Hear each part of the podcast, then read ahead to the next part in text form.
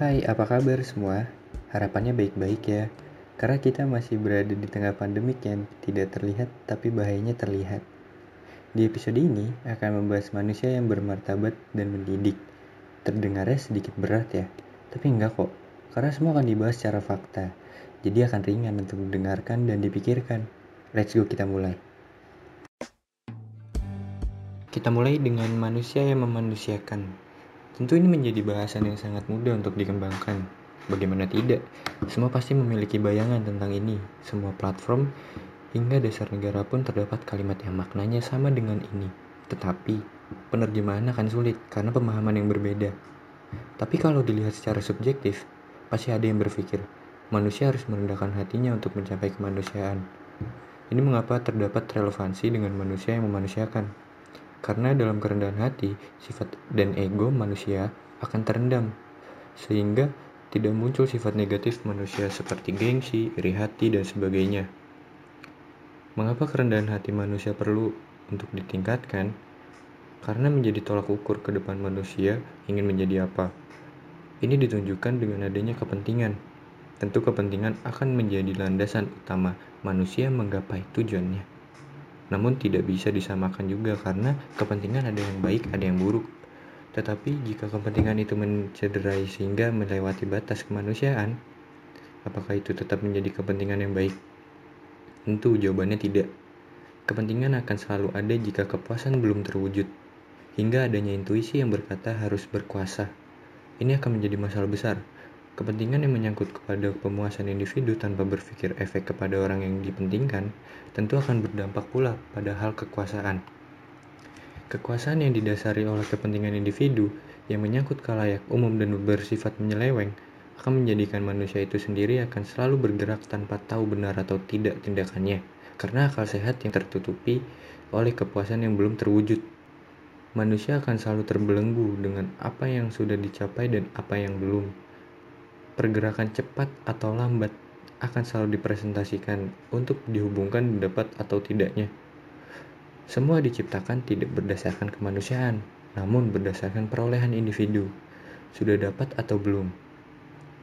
Jika sudah, berhenti. Jika belum, akan terus bergerak. Tetapi, apakah puas dapat diukur? Tentu pemahaman kalian jika mendengar hal yang baru saja didengarkan, seolah-olah kepentingan itu jahat. Kita harus curiga terhadap semua orang. Tidak, masih banyak di dunia ini manusia yang sadar dengan kemanusiaan. Masih banyak manusia yang melakukan kepentingannya berdasarkan kemanusiaan.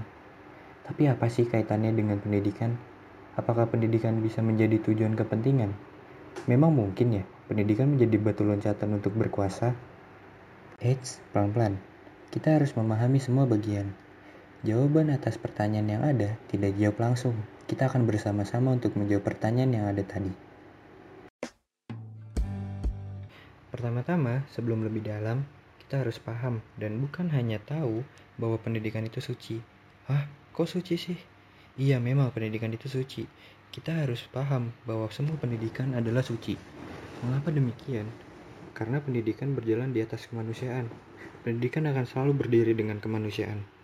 Dalam bentuknya, tidak hanya pendidikan yang ada di sekolah atau pendidikan formal, adapun pendidikan informal dan non-formal. Kalau dilihat juga, pendidikan itu merupakan transfer ilmu juga kan? Ilmu yang dimaksud adalah ilmu yang dapat mengembangkan diri manusia ke arah yang lebih maju dan sadar dengan keadaan sekitar, sehingga ilmu tersebut berguna guna melakukan tindakan yang tepat. Jadi tahu kan mengapa pendidikan itu suci? Tetapi Apakah pendidikan di zaman sebelumnya itu suci? Mari kita bertolak pendidikan di zaman Dendels. Dendels dahulu pada saat zaman penjajahan mendirikan sekolah ronggeng. Sekolah itu berdiri eksis di zaman penjajahan. Tetapi mengapa di masa penjajahan Dendels mendirikan sekolah yang jika kita telaah malah akan menyadarkan masyarakat Indonesia untuk lebih maju dan bahkan akan menjadi bumerang untuk kekuasaan Dendels itu sendiri. Ternyata tidak. Dendels memiliki strategi lain. Dendels mendirikan sekolah hanya untuk alasan dalam mobilitas angkatan bersenjata. Dan jika dilihat juga, yang sekolah di Ronggeng hanya orang-orang terpilih.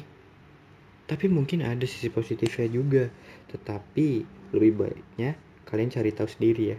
Karena akan ada banyak hal yang membuat kalian terkejut. Jadi, suci atau tidak? Tapi kan itu sekolah di zaman penjajahan, jadi bisa tahu dong sekolah tersebut baik atau tidak. Oke, kita bertolak dengan Taman Siswa. Ya, Taman Siswa adalah sekolah yang dibentuk oleh Ki Hajar Dewantara, Bapak Pendidikan Indonesia yang sangat melegenda di dunia pendidikan Indonesia. Pendidikan yang berjalan menganut asas yang sama dengan pendirinya, yaitu fasisme.